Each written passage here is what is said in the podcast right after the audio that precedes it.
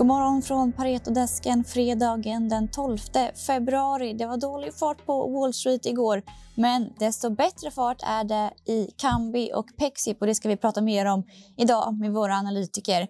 S&P 500 stängde på plus 0,2 procent igår. Starkaste sektorn var tech, svagaste sektorn var energi. Vi fick en stark rapport från Disney igår, slog förväntan på topline och rapporterade en vinst mot förväntad förlust. Disney Plus går som tåget och har nu 95 miljoner kunder. Även Parks var bättre än väntat. Aktien steg ungefär 4% i efterhanden. Datingappen Bumble noterades igår och rusade inledningsvis 77% Idag får vi rapporter från Diös, Mekonomen, Boliden, Nilörn, Odd Molly, Latour, Studsvik. Vad får vi mer för intressanta? Entra, Schibsted, Norsk Hydro. Ja. Och på Pareto idag då så har vi bland annat pratat Kambi och Pexip som jag nämnde. Om vi börjar med Kambi så tycker jag att vi ringer upp eh, Marlon Wernick God morgon, Marley Kambi rapporterade igår och du höjer eh, riktkursen idag. Hur var rapporten? Eh, ja, men rapporten var... De kom ju om en vinstvarning här i början av januari. Eh, rapporten, siffran så var, var i linje med, med den omvända vinstvarningen. Q4 gick otroligt starkt. Eh, går ser så starkt just nu. Eh, vi räknar också med att Eh, underliggande operating turnover håller i sig här även i Q1 mot Q4. Eh, och då ska man med sig att eh, 88 UK skiftades ut här i början av januari, så jag tror underliggande är ännu starkare Q1 mot Q4 och, då är ju ändå Q4 var en väldigt sportintensivt kvartal, eh, bland annat i, i USA. Så äh, går, går jättestarkt, så det är kul att se. Kambi uppdaterar också sin guidance för operator trading margin. Vad säger du där? Ja, men exakt. Eh, de uppdaterar sin guidance eh, från eh, spannet 7 till 8 procent till 7 till 8,5 procent. Och det är då antingen ska man, ja, sportboksmarginalen eller hur mycket, hur stor andel av, av spelandet hamnar hos spelbolagen. Um, och, och, och, det tycker jag är intressant att de updatear här. Uh, för, för tillväxt just nu är som starkast i USA. Och i USA spelar man mer så kallade moneylines um, resultat. Uh, vill säga två, två olika outcomes, vilket innebär att marginalen borde vara lägre borta i USA än vad det är i Europa. Eh, men ändå drar de upp då eh, det här eh, spannet och, och framförallt tror jag det är för att man spelar mer parlays i USA. Man är helt enkelt mindre sharp där borta än man är i Europa. Eh, och parlays är då kuponger, dubblar, tripplar, fyrlingar. Och effekten blir då Eh, att om du gångrar tre stycken even negativt lag med varandra så blir paybacken på kupongen ännu lägre och då blir edgen till, till huset ännu högre. Eh, så, så det är väl det som, som triggar framförallt den här uppdateringen av, eh, av spannet. Men om vi går tillbaks till det här då så ehm, bara uppdateringen från 7,5 till 7,8 procent som vi nu räknar med eh, slår 50 procent på våra gamla ebit-estimat. Eh, så det slår ju ändå rätt hårt eh, på förväntansbilden då, på ebit. Eh, och det visar lite också den här skalbarhetscaset eh, man, man ser i, i Kambi. Mm, och det har du ju pratat om eh, hela året egentligen Malon. Fortsätter skalbarheten i Kambi?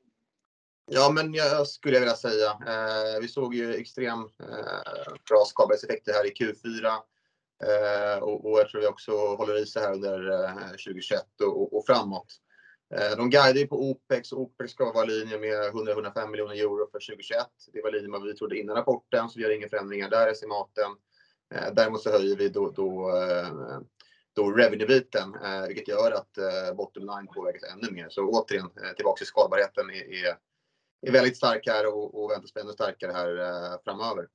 Veralda som eh, kontrolleras av Anders Ström sålde drygt 11 procent av sitt innehav igår. Det känns ju inte så jättebra. Vad, vad säger du där? Ja, nej men precis. Eh, han sålde en liten stake, han äger fortsatt, eh, jag tror 17 procent.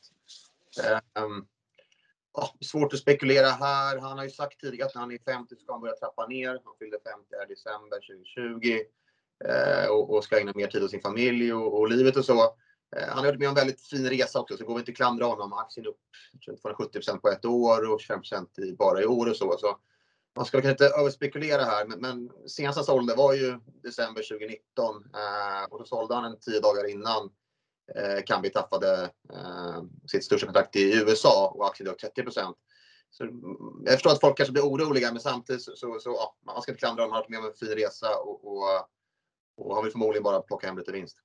Vad är största risken i Kambis närmsta året som du ser det? Ehm, just det här året vet jag inte, men generellt så, så, så tror jag, och vi pratade lite om det förra gången också, att det, att, att, att till exempel någon köper upp Kindred. Ehm, vi är ju positiva till Kindred också och med att man värderas för lågt jämfört med internationella peers.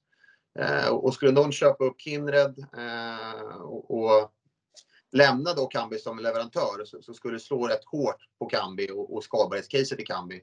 Eh, vi uppskattar att Kine står för 40 av, av Kambis eh, intäkt här för 2020. Så skalbarheten skulle slå helt andra hållet och jag tror marknaden inte riktigt skulle orka en sån eh, en sån hit så att säga. Um, risken i, i Kambi, den största risken i Kambi som vi ser, det, det är väl att de köper Kindred och, och lämnar Kambi som, eh, som leverantör. Um, ja, då, då, då slår helt enkelt skalbarhetscaset åt andra hållet och, och, det tror jag blir jobbigt. Men det verkar inte vara allt för stor risk eftersom att du höjer riktkursen rätt rejält idag då? Ja, alltså det är med att man, man vill lyfta fram den, den, den, risken så man är medveten om den. Uh, riktkursförändringen är ju primärt då, då uh, en högre bas på, på operating turnover men också uh, operating trading, trading margin som vi lyfter och, och, det är det som motiverar då uh, till, till till eh, 628 kronor per aktie från eh, 561. Så vi upprepar eh, köpet. Tack så mycket Marlon. Ett annat bolag som släppte en bra rapport var Pexip. De rapporterade igår. Dennis Berggren, hur var rapporten? Uh, ja, nej, men Pexip eh, släppte en, en, riktigt stark Q4-rapport efter eh, stängningen igår. Uh, försäljningen växte med, med 96% i Q4, kom in nästan 22% över våra förväntningar. Det här förklaras av att man hade en ordentlig chunk av Infinity-kontrakt under Q4. Och där, den, försäljningen av de här kontrakten kan vara lite mer slagig över kvartalen och därför något svårare att uppskatta jämfört med SAS. Uh, jag tror att Q4 var påverkat av att man delvis haft något större multi-kontrakt uh, såväl som förnyelser av upselling-kontrakt från första halvan av 2020. Eh, samtidigt ser vi att kostnaderna var lägre än väntat. Totala OPEX kom in 10 under vår prognos, vilket resulterar i ett betydligt starkare ebitda-resultat än väntat och kom in på nästan 50 miljoner NOK jämfört med, med vår förväntan om minus 6 miljoner. Uh, så, så, så, det vi ser är att trots att man ökar totala OPEX med, med över 100% på årsbasis så uh, når man en 22% ebitda-marginal här i, i, i, Q4 vilket vi tycker är ett tydligt tecken på, på bolagets långsiktiga lönsamhetspotential. Var det någonting annat som stack ut uh, i rapporten? Ja, alltså, man, man, man fortsätter ju att kommunicera nya starka kundintag. Då. Ehm, det är ett flertal eh, rätt starka organisationer som man, som man har fått in här under Q4 och det är 10 Fortune 500-bolag som man adderat eh, till, till kundbasen under 2020. Även om det här inte är någonting som är nytt för caset. Vi vet att Pexip sedan tidigare är väldigt starka just med, med eh, myndigheter och, och större organisationer så, och stora företag så, så är det här ytterligare en bekräftelse på bolagets starka positionering i, i vår mening. Um, och vi ser nu att med det här starka flödet av produktnyheter, partnerskap, man ser väldigt eh, bra efterfrågan inom eh, healthcare-vertikalen. Så, så vi, vi, ser sammantaget att, att performancen är väldigt stark uh, och vi anser att den höga tillväxten, både nuvarande tillväxt, nuvarande performance såväl som starka outlooken för 2021, 2022, 2023 eh, motiverar en, en höjning av eh, riktkursen. Då. Så, så, vi höjer vår riktkurs till 130 norska per aktie eh, från tidigare 105 eh, per aktie och ser, ser att bolaget fortfarande handlas till en eh, signifikant discount relativt eh, nordiska mjukvarubolag då i övrigt hur eh, värderas eh, Pexip då? Ja, men på nuvarande nivå så handlas den runt eh, 13 gånger försäljningen på, på eh, 2020 eller 12,8 för att vara exakt ehm, eh, och 9,8 på 2021. Eh, och här ser vi att man, man kan motivera en högre multipel givet den starka tillväxten som man har. Och där, även om man ska ta eh, liksom de förväntade kassaflödena som krävs för att driva den här tillväxten så ser vi att tillväxten är på så pass höga nivåer att man kan motivera en högre multipel uh, i, i, i, relation till, till nivåerna på peers. Då. Um, och det, det, man klart kan konstatera att hade inte Pexip rampat investeringarna så tydligt i 2020 så hade man ju ändå kunnat växa med i nuvarande nivåer uh, och generera ännu starkare lönsamhetsmarginal. Så att, uh, det finns definitivt stöd för en, en högre värdering i vår mening. Och som du sa, aktien har ju gått ganska svagt närmsta året och det känns som att tech och tillväxt är någonting som marknaden borde gilla. Var, varför tror du att marknaden är lite tveksam till caset? Nej, men jag tror så här, vi, vi såg ju någon typ av eh, post-IPO eh, volatilitet här under eh, hösten eh, med, med, riktigt svag performance under eh, egentligen mellan oktober och december. Um, och sen dess har den ju nu återhämtat sig och handlas ju nästan uh, strax under eh, 100 nivån då, uh, vilket är nästan i nivå med, med, med den här starka nivån uh, som, den, som den hade direkt i, i samband med RPO. Då. Um, men gällande, jag tror att många fortsatt är liksom, eller tidigare så har många ifrågasatt bolagets förmåga att konkurrera med stora aktörer som Zoom, Cisco, alltså Microsoft och Google och hur pass uthålliga de här partnerskapen är och sådär.